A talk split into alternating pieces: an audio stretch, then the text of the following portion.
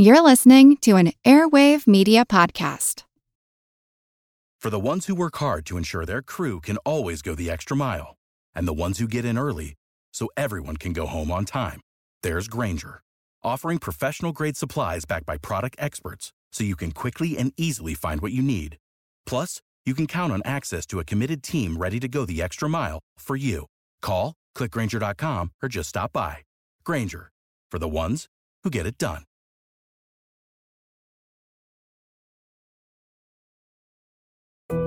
We all know how important it is to keep your eye on the money, and not just your own. Stay on top of the latest financial and market news with Yahoo Finance, a podcast that releases new episodes almost every day. You'll hear a brief overview of the biggest news in the financial world, all in three minutes or less, right after markets close. Check out Yahoo Finance wherever you get your podcasts. That's Yahoo Finance wherever you get your podcasts. This is Kick Ass News. I'm Ben Mathis.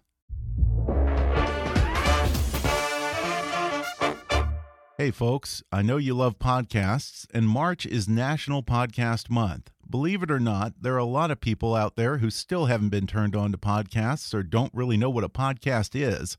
So help celebrate Podcast Month by sharing kick ass news or any of your favorite podcasts with at least two friends.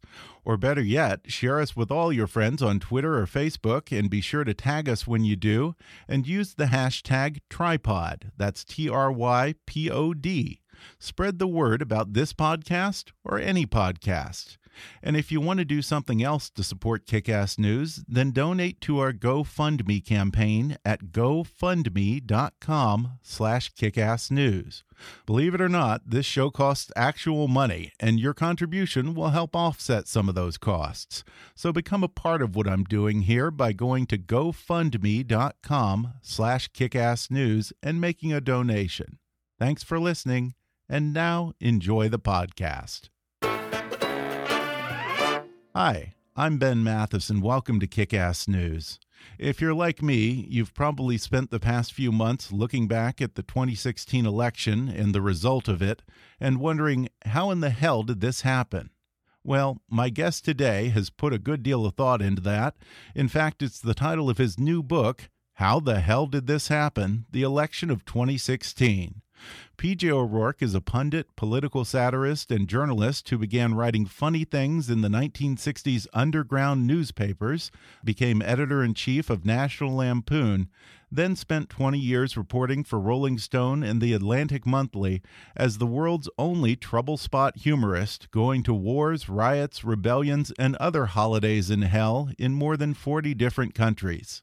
Though he's calmed down a little bit, he hasn't lost his acerbic wit or his gift for satire. Satire, as a contributing editor at the Weekly Standard, the H.L. Mencken Fellow at the Cato Institute, a member of the editorial board of World Affairs, and a regular panelist on NPR's Wait, Wait, Don't Tell Me. He's the author of 18 books, including Parliament of Whores and Give War a Chance, both of which reached number one on the New York Times bestseller list. Now he has a new book called How the Hell Did This Happen? The Election of 2016.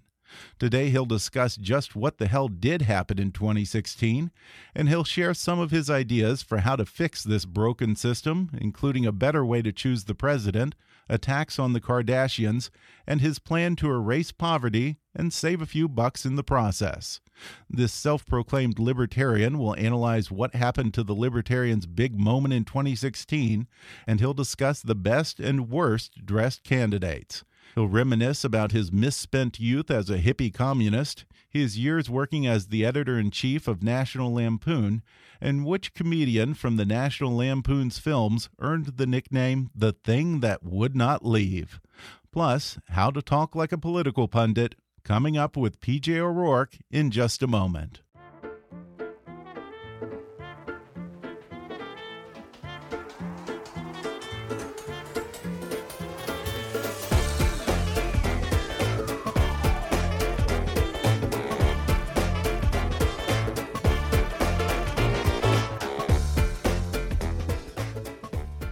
PJ O'Rourke is a contributing editor at the Weekly Standard, the H.L. Mencken Research Fellow at the Cato Institute, a regular panelist on NPR's Wait, Wait, Don't Tell Me, and a columnist for the Stansberry Digest Investment Letter. He's the author of the number one New York Times bestsellers, Parliament of Whores and Give War a Chance. And he has a new book called How the Hell Did This Happen? The Election of 2016. Now, I would give you how many books he's written, but Wikipedia says he's written 20. His website says he's written 16. And in your book jacket, it says 18. So I guess you split the difference, huh? yeah, I don't know. I lost track somewhere back there. well, I enjoyed the book. Uh, your book is appropriately titled, How the Hell Did This Happen? Many of us are wondering just that. So tell me, is this title a rhetorical question, or did you actually seek to find some answers to this question? Well, it's somewhat. You know, I, have been inscribing it. If you find out, tell me. Um, uh, so so not, no, I didn't precisely get the answer, um, um, but I think I, I, came to sort of a, a, larger conclusion. I can give you kind of a general answer, and I think that uh, uh, we see this all over the world. There is a kind of rebellion against the political elites, a, a rebellion against elites in general. Yeah, press, media elites. Uh, business elites. That was one percent. Um, uh, you know, the, uh, the Occupy movement, uh, and, and, and um, and and, and it, it, it's taking place all over the political spectrum. I mean, uh, I think a very good example, of course, would be Brexit. Um, in Brexit, in the case of Brexit, you had three groups of elites absolutely opposed to Brexit. So you get your business elites, you got your political elites, you got your labor elites, uh, the union chiefs, and so on. They're all against this. And the British voters looking at this and saying, okay, these are the people who, like, one of them caused the global financial crisis. The other group of elites dragged us into the Iraq War. And uh, labor elites, uh, they're the people who nationalized the British automobile industry. That worked out really well. Uh, how could we go wrong voting against you know, a group of people like this? But you also see it with the rise of the Greens on, on, mm-hmm. on the left, too. Um, Putin um, uh, is uh, an anti elite. I mean, he's very much a rebellion against the incompetent kleptomaniacs that took over Russia right. after the fall of the Soviet Union. Uh, Xi Jinping uh, uh, is uh, he's touting a sort of neo Maoism that definitely feeds off the resentment of ordinary Chinese against the, the, the what I call the the all in all the tea in China scale of corruption in China. And then there are people who are just off the chart, like Duterte in uh, in the Philippines. Yeah. You know, yeah. you, you, got a you, here you have a, a, murderous criminal problem in your country, so you elect a murderous criminal. What's this? so while I never answered the question of Trump specifically, um, or of uh, I mean, it's both Trump's victory and Hillary's loss, both both being fairly puzzling. Yeah, yeah, I liked what you said when you said that they're running against themselves. It basically he wasn't as horrible as he could have been, and she was. she was. yeah, and she wasn't as good as she could have been. Yeah. No, no, no. Yeah. She, she, she ran a terrible, terrible campaign. You know, topping it all off with the basket of deplorables. You, know, you can say yeah. what you want about the American system. You can say anything you want about your opponent, but you yeah. mustn't insult the voters. You can't just can't do that. Yeah, and I think you said probably her biggest problem was just the smugness. Yeah, that, yeah. That she really carries a little cloud of smug um, um, um, with her. And I think that's one of the things that has people all around the world up in arms against uh, elitists of all kinds is that smugness. Mm-hmm. You know mm-hmm. that that we know how things should be. Leave it to us, and we'll be fine. And you can see the reaction in Europe. I mean, you have this uh, you, who who who caused this or allowed this problem in the Middle East to happen. Well, it was elite diplomacy, elite politics, elite military strategy, mm-hmm. for that matter, that set this off and then did nothing about it, and that results in this like huge wave of refugees that um, you know the elites don't have to worry about this. You know, it just means new ethnic restaurants and household help for them. but you know, so people all over Europe are going, well, they're not jostling you in the halls of the European Parliament in Brussels. They're not yeah. building shanty towns on the tennis courts at your private club. Um, and you know, the hell with the bunch of you. Well, you actually endorsed Hillary Clinton. It's a grudging endorsement. I think Grudging if I asked indeed, Hillary, yeah. yeah, she would Yeah. probably say, "With friends like PJ O'Rourke, Yeah, who well, needs enemies?" Yeah, yeah, yeah. I, I, I basically said Dorothy and Toto's house fell on her, and and I endorse her. Yes, it was a very grudging, but I'm a conservative, and so Right. I, so I endorsed the status quo. Not- Yeah. not because I liked it, not because I, uh, uh, not because I agreed with it, but because I knew what it was yeah. and um, I to you know I, I I didn't then, and I don't know yet um, who who Trump is and what he'll do, and it, it bothers me. Um, um, you know, this is all fine on on reality television, but when it comes down to the exercise of actual power, uh, I don't like the idea of a volatile person whom I also consider to be um, opaque. I'm not a Trump hater, but I but I can't say I get him. hmm Is there any point in trying? I don't know. I, Is that I an honestly exercise in don't- futility? I, I- yeah, I, I kind of tend to think so. You know, Yeah. I, I, I, you know, if you, I, I would say that, um, you know, as a, as a libertarian conservative, I consider the current system to be much in need of repair and reform, Mm-hmm. reorganization. I mean, um, just you know, to start at the top um, um, or at the bottom, really is uh, uh, you know the, the the sheer size of government spending, the sheer scope of government intrusion into public life, uh, the debt, the deficit. These things really need to be addressed. But in order to make a systematic change, you have to understand the system. Mm-hmm. And as uh, Ronald Reagan uh, uh, uh, uh, approved, um, it's not easy then, you know. Uh, uh, and I think even if, if Reagan had had the kind of um, congressional majority that Trump has, he still would have found it extremely difficult to. Uh, the system has a tremendous amount of inertia, and you have to be uh, lots of things. Trump is a good salesman, but you, you have to have something to sell, and I, I, that remains puzzling to me.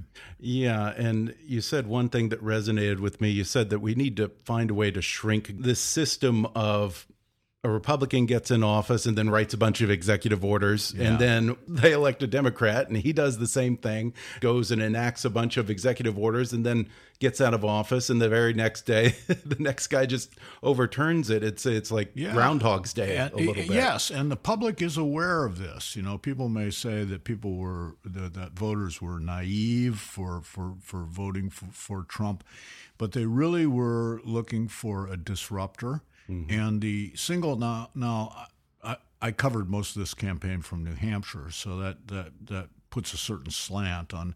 New England is not. I mean, for one thing, the the question of immigration didn't come up a lot. We're not we're not a diverse. state. Not worried I'm about sorry. those Canadians. Yeah, well, I mean, yeah. If you talk to the old people, uh, old folks up in New Hampshire, they're they're they're still hot under the collar about all the French Canadians that came down the, in the 1930s.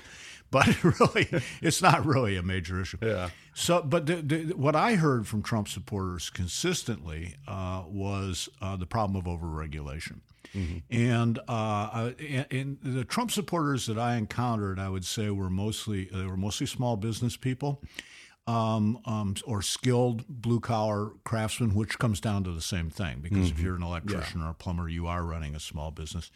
Um, and uh, uh, even if you're just con- contracting out, you know, or um, or even if you're working for somebody else, there's a there's a strong business element.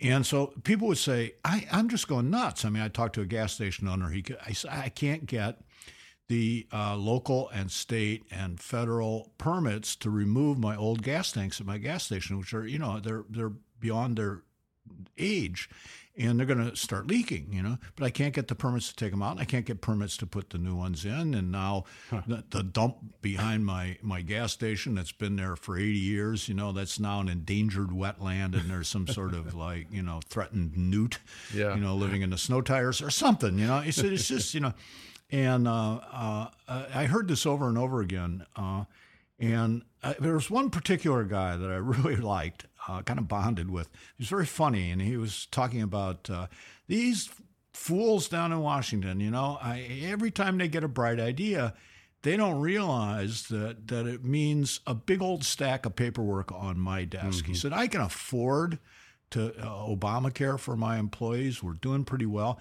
But what I can't afford is this this phone book size, you know, back when there were phone books, you know, uh, uh, size uh, load of stuff that lands on my desk. It's just, you know, I, I don't have a human resources department. I don't have a legal department. It's just me and my wife, you know, and, and, and I'm a gearhead, you know, I, I'm not a paper pusher.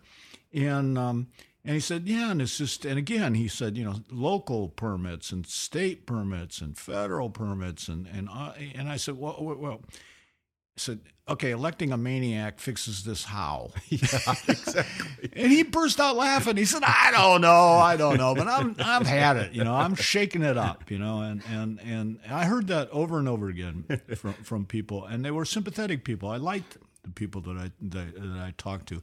I would disagree about the empty coffee can they chose to shake things mm. up, but um, but I didn't disagree with them.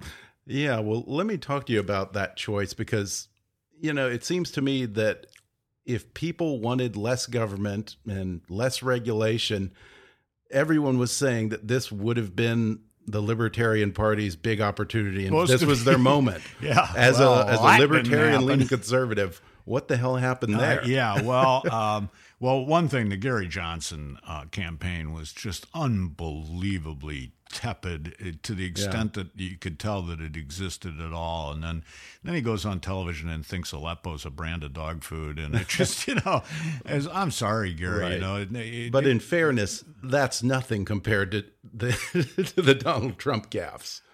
Oh no, a, no, no, no! It wasn't a matter of gaffes. It one, one a, gaffe sinks any candidate other than Donald other Trump. Other than Donald Trump. well, again, when you're looking for a disruptor, and you're looking yeah. for disruption, he provides it. Yeah. know? And so, uh, you know, I think that there was just a sense of like, uh, you know, to to to put it to put it in a way that compliments Trump Trump voters, it was like you know if you if you're going to go for disruption, you're going to get a disruptive guy, and this is just you know, and he's you know look look you can't listen to everything he says. I, lots of people I talk, to I don't to, trust me. Yeah, oh yeah, uh, lots of people I talked to said, well, yeah, I'd say isn't isn't he somewhat vulgar character? Say, oh yeah, I wouldn't want him around the house. I wouldn't let him near anyone near my daughters. You know, I mean, you know, he's kind of. Like, he's like your drunk uncle at Thanksgiving dinner, you know. I mean, but they were so willing to shake things up. Um, or to put it less in a less flattering way, you know, they're they're going, okay, okay, we tried smart, it smart didn't work, so let's try stupid. yeah. go in the other so, direction. Yeah, let's just go, let's go one, do a 180 here, you know. So uh, yeah, so Trump had this, the, the, the this, he, yeah, he, he could get away it wasn't even get away. It like redounded to his credit every horrible yeah, thing that he did. That's what's amazing. You know?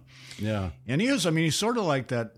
You know, he doesn't drink, but he's sort of like that drunk guy on the last bar stool that you have to pass to go to the men's room, and uh, and he's like loud, he's obnoxious, but every now and then he has a good point, and he says whatever comes into his mouth, you know, and uh, you know everybody, you know, everybody knows he's he, he's a vulgar guy, but every but everybody sort of tolerates him, you know. Yeah, um, and and I think Trump fell into that drunk uncle. Yeah. Category. You know? Well, you know, on my drunkest day, I don't think I've ever acted as badly as Donald Trump acts sober. no, no, I, yeah, I, that's what's amazing. I have a he doesn't drink. To, I have a tendency to fall asleep. you know, now, now, that I'm older, maybe when I was younger, I was yeah. as bad, but uh, yeah.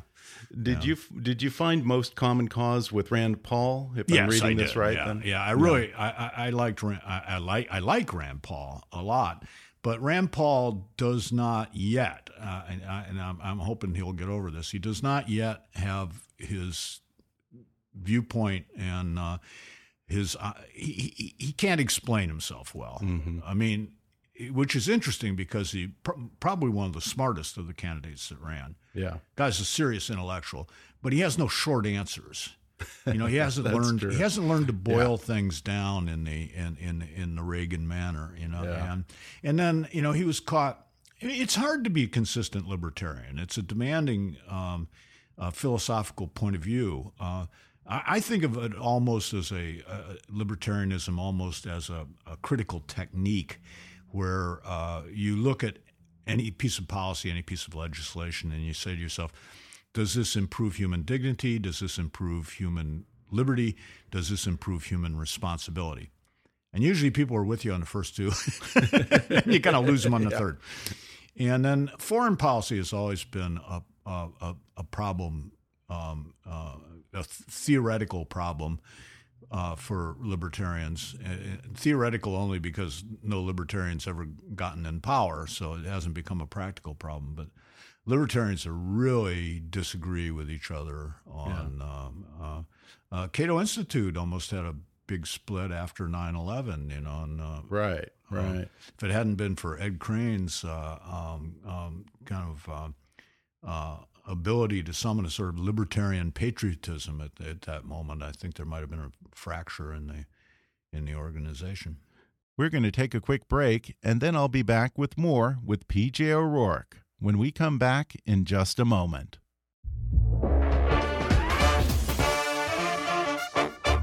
Folks, whether you're starting an online business or trying to get your existing business online, GoDaddy wants to help. GoDaddy's mission is to radically shift the global economy toward life fulfilling independent ventures, helping customers kick ass by giving them the tools, insights, and the people to transform their ideas and personal initiatives into success. With more than 62 million domain names under management, GoDaddy is the world's largest technology provider dedicated to small business and the largest domain registrar. They have award winning 24 7 support and everything you need to build your online business. Whether you have a new idea or an established business, the key to success online starts with a great domain name, and GoDaddy is trusted by 13 million customers, more than any other registrar, with big savings over the other guys. And right now, my listeners can get 30% off new purchases on GoDaddy.com by using the code KICK30 at checkout. That's GoDaddy.com, code KICK30 for 30% off. Again, GoDaddy.com and offer code KICK30. Folks, as you can probably tell, I am a voracious consumer of news, especially magazines. But magazines can be a lot of clutter, so I recently got turned on to Texture, which gives me access to all of my favorite magazines like The New Yorker, Time Magazine, Newsweek, and Vanity Fair, all without the paper and whenever I want. You know, at a time when it feels like it's never been harder to find the truth, supporting the free press is critically important and Texture gives you access not just to your favorite magazines, but also to some of the most credible publications in the world, all on your phone or tablet. Not to mention, with daily recommendations, exclusive interactive features, videos, and more, Texture makes it easy to find and enjoy the articles you want to read from all of your favorite magazines like The Atlantic, Fast Company, and Entertainment Weekly. It's even searchable so you can mark what you like, check out back issues, or view bonus content. No wonder it's one of Apple's top 2016 iPad apps. Best of all, Texture is normally $9.99 a month for access to over 200 magazines, but if you sign up right now at texture.com/kickass, you get a 14-day free trial. Why would you subscribe to just a couple of magazines when you can have all of your favorites all the time for way less? Just go to texture.com/kickass for your 14-day free trial. That's 14 days to try Texture for free when you go to texture.com slash kickass. One more time, that's texture.com slash kickass. And now, back to the podcast. Well, I want to talk about uh, two of the ideas you propose for better ways to choose a president. yeah. I mean, considering the man in the White House is the person who lost the popular vote, I can't see how you can do much worse. Um, we'll get to the second idea in a minute, but your first suggestion is that we choose a candidate based on who you'd want to join on a road trip. Yeah. Um, now, first, let's set the parameters. What kind of road trip are we talking? How many days? VW bug or RV? What kind of car? Is flatulence a factor? I mean, what are let's the just base, say, let's just say it's a long this? road trip. okay, because you can okay. say like which candidate would you like to have a beer with, but that's really yeah. you know the truth of the matter is you'd like to have a beer with every candidate because you know just to, for that feeling that oh I actually met them and talked yeah. to them you know but going on a road trip's another matter and of course Trump would think that he'd win this in a walk I mean because you, you're thinking about road trip with Hillary Clinton yakety yakety yakety yakety yakety yak, and then and then stop at one of these dumpy small town diners that she was always popping up at Yeah. during her campaign. Whereas Trump's got the private plane, he's got the limos, he's got the hotels, the golf courses, you know. But then you think, geez, how long would it be spending time up close and personal with Donald Trump? Before I'd want to chip a Titleist into the back of his head while he's standing up on the green, nudging the ball with his foot, creating an alternative fact about how close to the hole it is. Yeah, so it's it would actually be a but I, I, I kind of left the, the current election out of it um, in, in order to concentrate Yeah. more on what the past record would be. Yeah, wh- what is the road trip poll? You said over the past 17 elections from 48 to 2012, there's a road trip poll. Is that a joke or is that an actual thing? Well, it was an actual thing for Really? me. I mean, I, Oh, I made sub, I made a subjective judgment about That sounds we- like an alternative fact right Uh, there. Well, yeah, it's, it's, well, I'll, we'll call it alternative analysis. Okay, okay. I claim no facts. Um, uh, I'm not that kind of journalist. Uh, is that uh, yeah? Starting with uh, uh, uh, Harry Truman uh, against Thomas E. Dewey, I think in general we've picked the better president uh, if we put it to the road trip test. I mean, Yeah. uh, it, okay, I'm a Republican, but nonetheless, Thomas E. Dewey was very much a sort of Nelson Rockefeller liberal Republican, you know, and, and Truman was more the real thing. And he's the guy that had the poker playing Yeah. buddies and had to, you know, started each morning with a shot of old granddad. And, you know, I, he definitely sounds like he'd be more Ike over Adlai Stevenson. That's no contest, Yeah. you know. Um, now, uh, uh, uh, Kennedy over Nixon. You know, I mean, you're, you you you think now we were wrong. Uh, we the which is means me. the road test poll does not work with Lyndon Johnson over Barry Goldwater. It turns out Barry was actually a lot Yeah. of fun. Yeah. Um, and as we know now, very principled uh, uh, and and courageous, you know, political guy. Um, and we thought, uh, uh, you know, that the uh, that the cowboy would be uh, better. We're we're wrong about that. you know. and I think even Okay. you know even what and it goes on. You know, I mean, I think Okay. even um, uh, even Nixon over Humphrey. You know, I mean, Yeah. Humphrey's carrying so much of LBJ's baggage, there would have been no room for the beer in the car. You know. So, based on this, if we were to pick of the whole field in 2016, Yeah, uh, whole field in 2016. Well, you know, the food would be good with uh, Chris Christie. Um, Okay. Yeah. Yeah. know, uh, uh, it would be an interesting, but I don't think um, I don't think that either uh, Hillary um, Hillary would have beat Bernie, but I think there must be Joe Biden. Yeah. Joe Biden would have been a Democratic candidate. Yeah. There's no doubt about that. I imagine Hillary would be kind of a backseat driver. Yeah, Very yeah, think, nitpicky. Yeah, Yeah. right. Yeah, and uh, probably a little bossy. Yeah. and little. Uh, Donald Trump would just never cease talking about himself, you know. Yeah. So, so I'm thinking, I think, I think Rand Paul would be be be a, Yeah. a good companion. Um, uh, I I don't know. Uh, none of them really jumped out as being Yeah. super fun loving, um, but. Mike Huckabee, I, I, I, I pick on What- Huckabee in the you book. have a- but- yeah, you have a whole chapter bashing Huckabee. yeah, well, I had my original plan. I mean, it wasn't really a book. My, my original plan for coverage of the election was to take on each candidate one at a time, and then events kind of got ahead of me, and um, so it just happened to be Mike Huckabee's turn in the barrel. Okay. And I, I do at the time that I wrote the, the piece, and I apologize in the book for singling out uh, Huckabee, but he did run a bad campaign, Yeah. and he did bring up um, a kind of culture war thing that, as a libertarian, I really don't like. You know, Yeah. I mean, he he- had that, and I was worried at that point. This is going back uh, to the beginning of 2016. Um, at that point, I was worried that Republicans would end up nominating a uh, cultural conservative and would get creamed Yeah. as a result of that. Because I think I really think that battle's over. Yeah, and you do take him to task over the Confederate flag issue. Yeah, Which you know, I, you just- I you can't gotta- believe we're even having that argument in this Yeah, day and age yeah. as Republicans. Yeah, no, you just don't. You know, I mean, the, you, you can't build a, a, a, a, a, a governing coalition, you know, that, that is not inclusive, you know, and mm-hmm. you, you you just you have to address issues. Uh, you know, if you if any kind of good conservative, the, the the core message there is that you know this is good for all of us. It's not just good for some of us. It's not just good for the rich. You know, it's not just good for old white guys. You know, um, you know that everybody will benefit from this, and that's of course. Mm-hmm. Part of the Reagan magic was he was able to get that across. Yeah. Um, you don't want to be alienating huge sections of the population, especially over the question of a state flag. You know, state flag. Choose your battles. Well, your other suggestion on how to choose a candidate is uh, choose a president based on their spouse and let the spouse run things.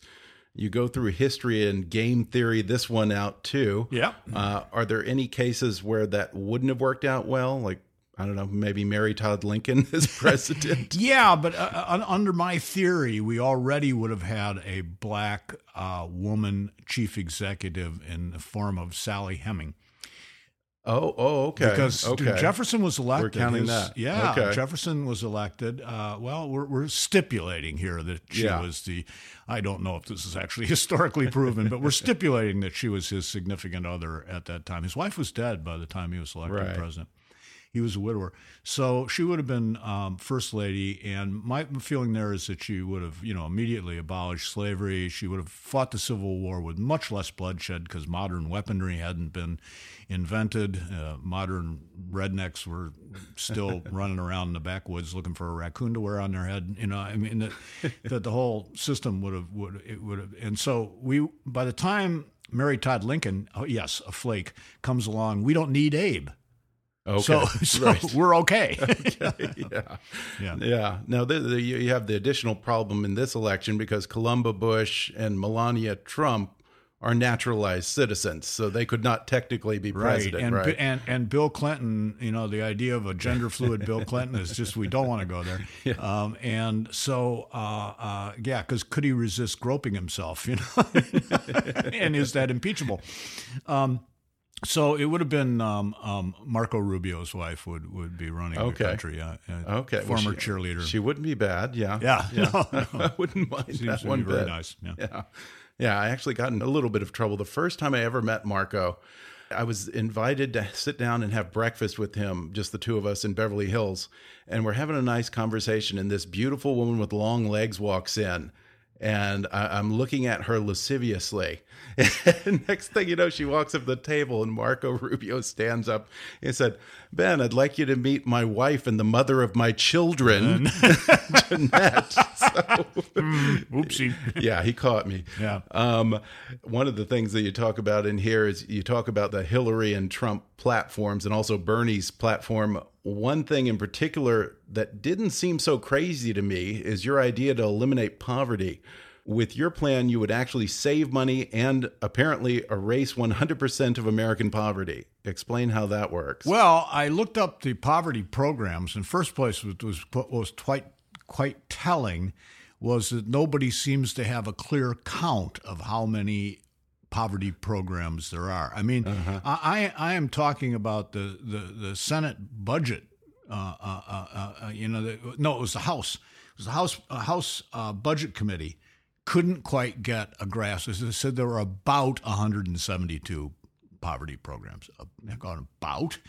And then I added up all the money that was spent with these poverty programs, those that I could track down at any rate, and it far exceeds the amount of money that it would take to bring everybody out yeah. of poverty. I mean, you can just just give them the money. just give them the money. You know, get rid of the bureaucracy and just cut them a check. You know. And uh, I mean, I realize this goes against all sorts of conservative and even indeed libertarian principles, but it still would be cheaper and more effective than the massive poverty programs that that, that we have now. You bring everybody right up to the um, uh, uh, every single person in America right up past the poverty line for I forget what it is. You, you I think eleven. Like, what is it? Eleven thousand seven hundred is the poverty yeah, line. I think so. Yeah, yeah. yeah. So just write everyone a check for eleven thousand seven hundred. Yeah. Okay. You know, family of five is doing yeah. all right. Yeah. Give a man a fish. Yeah. Okay. right. Um, we're trying to figure out how to pay for all this, and Bernie wants to tax billionaires. You say let's tax celebrities. Yes. Now, my one question about that is: you define celebrities as anyone who attracts or attempts to attract public notice by doing something requiring so little talent, skill, and sense that my kids, your kids, could My do kids. it. My question about that is you realize that a lot of people might argue that political pundits fit that definition. I was just going to say, are right? we engaged in just such an activity at the moment? Well, having listened to my kids, like you know, like you know, and then she goes and I go, and uh, uh, no, no, no, we, we we are doing something my kids can't do, which is uh, we may not be making Well, sense, they don't but have we, microphones and they don't have microphones and recorders, and we we may not be making sense, but we're we're we're not making sense in an articulate Okay. way. So yeah, yeah, we, we just we just just beat the threshold. Yeah. for that. Yeah. Well, yeah, and you're also kind of the Mr. Blackwell of the Beltway, I think. Uh, you critique yeah. uh, the candidate's fashion. You point out that it used to be that every adult male who wasn't in overalls and rags dressed like he was running for the job of president, Yeah. like Don Draper. Um, Exactly. Yeah, it's a weird wore thing hat. now. Mhm. Yeah, it's weird because like now it almost seems like the politicians don't match most of us. You know, a lot No. of people. We're in L.A. right now, and Yeah. you know everyone goes in the office in jeans. Yeah. So it almost seems weird when they try to be casual. Yeah, well, none of them know how to be casual. Right. For one thing, they're just not casual people, you know, or, or they wouldn't wouldn't be in politics. So yeah, I go on at some length about the, the various dad plaids that they wear, you know, Clan McDonald, and, so you know. and uh, and the the for some reason they all got into the zip neck sweater. And I, I don't know whether this whether whether they were having a uh, Dr. Huxtable moment or, or what it was, but uh, and all I could think was you better watch out for your for your your chin waddles, you you older casual Yeah. uh, uh, uh, uh, presidential candidates. Um, and I actually did that piece for Esquire, and uh, they they Oh, really? they, yeah, they called up and they said, you know, basically they said, look, we've tried looking deep on these uh, candidates, and that's getting us nowhere. So let's be superficial. Let's be more superficial. And would you write a piece about what they wear? And I said, sure. You know, I, I might as well bring some, uh, uh, you know, make some use of having Yeah. watched all of them for like too long. Well, what did Hillary and Trump's clothes say about them to you? Yeah, yeah. Well, Hillary was an interesting case because you know, being a guy, I, I, I um, uh, all I know is uh, is that uh, there is no good answer to to does this skirt make my butt look big? It's just no, no. Don't go there. You know, pretend not to have heard, or something. You know, or uh, uh, create a diversion. Oh, the dog just threw up, um, and get out of there. So with Trump, it, it, it was interesting. You know, Trump's, um, uh, you know, for an anti-elitist candidate, the guy's a candidate for the elite. You know, you Yeah. think. I mean, he at least claims to be a member of the one percent, and um, uh, and yet, of course, there's nothing elite about the way he acts or the way he talks. Right. You know, uh, and, I mean, he sounds he sounds like the rest of us, except after six drinks, and he doesn't drink. um, and he does a weird sort of uh, you know what he is he, he he's Rodney Dangerfield uh, in Caddyshack Yeah.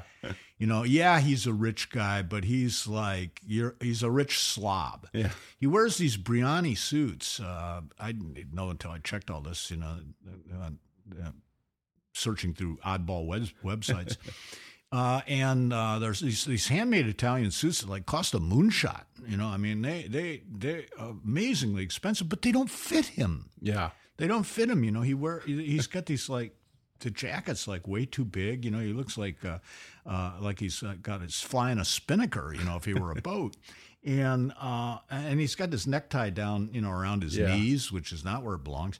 And um, it's just sort of like slobby rich guy. Yeah. And people sort of say, "Yeah, yeah, that's me if I were rich." In a way, you know, I, you know they can, they can relate to him. You know, Yeah. What what was weird to me is I guess whenever Trump would be in Florida or somewhere where it would probably be like 90 degrees and hot as hell and everyone would be in shorts, he'd be wearing like a polo shirt and his trucker cap and a jacket over a it, like a jacket it, blazer. yeah, it was yeah. so incredibly It's strange very- looking. very- uh, yeah, Yeah. it's a, it's a hard. Now Hillary, I had to go consult. I had uh, I, I I I called some women that I knew are bankers and lawyers and stuff to find Uh-huh. out about Hillary's clothes. And one thing that it's apparently she uses. Uh, there's a woman designer named Nina McLemore, I think is is how you say it, and uh, I knew nothing about. And apparently they're very good clothes. Yeah. Uh, but the uh, but the style of them relates very much to everyday wear for ordinary women. And, and so so all the women that I talked to said it was actually a well calculated, and she doesn't look like Brooks Brothers buttoned up. Yeah. She, she she dresses in like a more expensive version of um of what what her large part of her voters wear. Yeah. And I mean, I'm I'm going. She well, reminded about- me of my, of my mom, kind of. yeah, yeah, Uh, Yeah. Uh, and uh, but I'm I'm going like, well, what about the colors visible only to bees? You know, and Yeah. well, you know, that's part of like being like sort sort of accessible, but not inappropriately Mm-hmm. sexy. You know, and confident. And then, and then they told me something that was, the, you know, that, I- you know, that re- made me realize yet once again that it's women are the smarter sex. Is that um, uh, Nina McLemore's clothes are famous for, among other things, packing really well. Oh, okay. No Now, a man would Nice. never, Yeah. ever think about that, you know. Four years as Secretary of State, you Yeah. probably figure that out pretty yeah, the quick, amount I of imagine. amount of amount of, uh, of frequent flyer miles that Yeah. she has.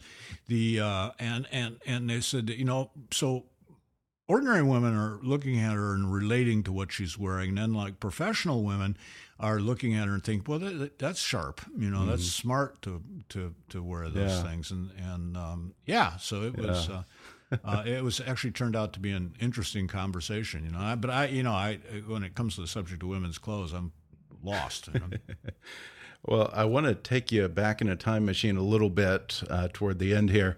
Uh, one chapter is titled Letter to Myself in 1968, in which you try to get the young you to sabotage the political prospects of the young Hillary and the young Donald Trump. Yes. Um, I'm just curious, what was the young PJ O'Rourke like in Well, I was an anti-war leftist, uh, uh, uh, kid. Yeah, I, I, I, I, I'm, I'm, I'm writing back in time, and I'm saying, you know, I mean, because Donald Trump's like one year older than I am, and Hillary and I are spot on the same age, same high school, same college class, and yeah, I think um, you said you could have even dated her, actually. Well, we went to high school. We went to Yeah. high school in Chicago, about ten miles apart. Yeah. Yeah, so you know, it's it's entirely conceivable that we may have met at at some time. So, um, but yeah, the young PJ was uh, uh, fancied himself to be quite left wing and uh, very involved in the anti-war movement and so on. And and I continued to fancy myself to be very left wing until I got a job and um, I got a not very good job uh, as a messenger, corporate, you know, as a business, you know, messenger back in the days before the internet. There were actually people like me wandering around with, with pieces of paper, and uh, uh, I paid seventy five dollars a week, and we got paid every two weeks. And I was really looking forward to that one hundred and fifty bucks, and so was my landlord. And when I got my paycheck, like I netted out at like eighty-five dollars and sixty-five cents or something after federal taxes and state taxes and local taxes, Yeah. union dues, health plan, that know, was the retirement plan. And I, yeah, it was. I said, you know, I'm a communist. I'm a communist. I, I, I've, I've, I've, I've, I've protested for communism. I've rioted for communism. I've vandalized for communism. And I finally get a job with a big capitalist corporation. Find out we got communism already. They just took half my pay. What's this about? Know? So yeah, Yeah. and And I began to wake up. Yeah, and after that, you were editor in chief at National Lampoon. I was. think during its peak in the seventies. Yeah. what was that like? Who, was well, some of the people not as much fun as it sound, No? sounded like uh, it would be because having a whole bunch of humorists in one place at one time, it's like having a, lot cat of egos. Yeah, a sack full of cats. so it was a, a peculiar thing, you know. And usually is with work is the work kind of sucks. But uh, but going to the office is kind of fun because that's where you see your friends. That's where you do some flirting. You know, you go out for drinks afterwards. You complain about the boss. The National Lampoon was exactly backwards. The work was a lot of fun, but the ordinary office life was. Oh, yeah, really? Yeah, uh, tense, tense. Uh, who were some of the guys who were there back then? Michael then? O'Donoghue was there. The two, uh, um, well, the the two founding guys, uh, um, uh, Doug Doug Kenney was would still come in the office every now and then, but he was mostly doing movies. Henry Beard had completely retired, but um, uh, Sean Kelly, whose son Chris now writes for Bill Maher, Mm-hmm. um, um, was there. Um, Yeah, a lot of big TV writers started off there, I think. yeah, Yeah. yeah. Uh, uh, th- there there were quite a few, but Michael O'Donoghue was like sort of the you know the the mad genius. And uh, there was a guy named Ted Mann who's done a lot of reality TV, um, um, who was there. And then, of course, there were the people who um, were with. The, I, I was only involved in the magazine, but there were people involved in the radio show and the road shows and so on, which was like Gilda Radner and, and Bill Yeah. Murray and uh, Chevy Chase and um, uh, John Belushi. Um, were all around. Yeah. Uh, uh, and so, you know, that that was pretty cool. they, they did quite well. Yeah. Did you ever get to hang out with any of those guys? Oh yeah, yeah, Yeah, absolutely. back when they were yeah. doing the We- movies? Yeah, well, we used to. Uh, well, they originally came to town to do a uh, National Lampoon off Broadway thing. Um, Oh, really? Called National Lampoon Lemmings. Uh, that Belushi and Chevy Chase were in. I think Bill Murray was in the uh, in the roadshow version of that. And uh, yeah, we used to call John Belushi the thing that would not leave. really? Yeah, he He'd was, overstay uh, his welcome? was, uh, well, it wasn't that. He just wouldn't go home. You know, I mean, he was like, he was just, uh, yeah, he was pretty heavy partier. You know, like, Yeah. you know, when he died, people said, oh, you know, it was too much, too soon, too quick, too young. You know, and But he uh, finally left. Yeah, but that wasn't. Yeah. That, I mean, Yeah. you know, if it hadn't have been uh, Chateau Marmont, it would have been behind Yeah. a gas station in Chicago. He Right, was just, you know, right. he was. Uh, uh, he really liked to get loaded. Yeah. Well, before we go, maybe in your effort to bridge the gap between the populist masses and the pundits, you actually, toward the end of the book, give a glossary of what you call punditese. Uh, do you have a few favorites or, or some of the best ofs? Um, well, I, I, I particularly um, uh, like the way that the, the, the, the pundits always cast themselves as uh, as being uh, uh, as knowing what's going on inside the Beltway. and of course, inside the Beltway is just this wonderful phrase. It means like I am so knowledgeable about Washington Yeah. that I realize I know that if you're coming south on I 95, it splits. I 95 splits north of Washington.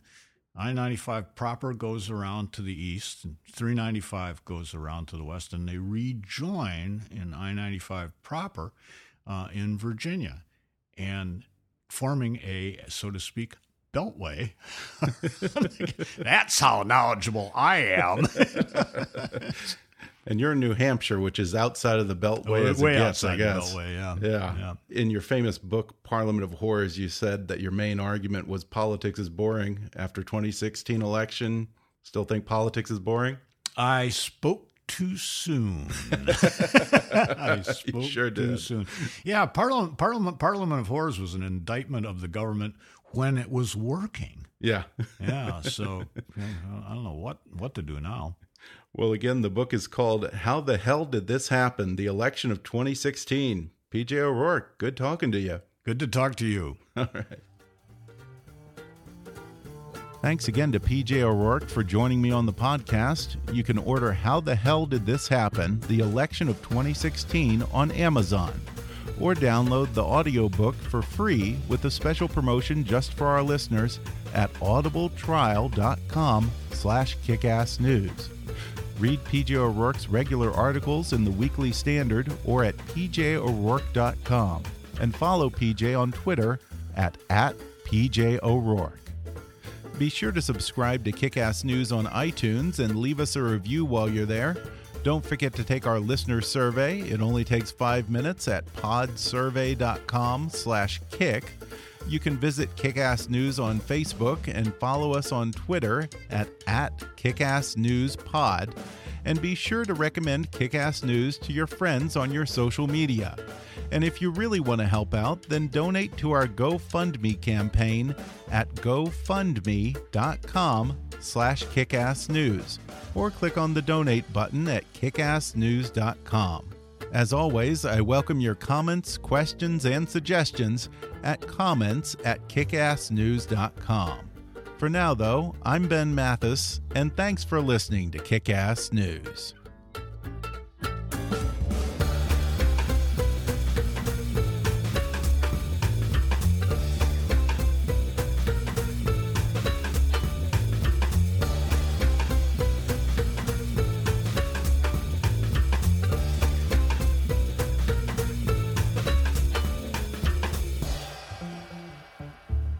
Ass News is a trademark of Mathis Entertainment, Inc.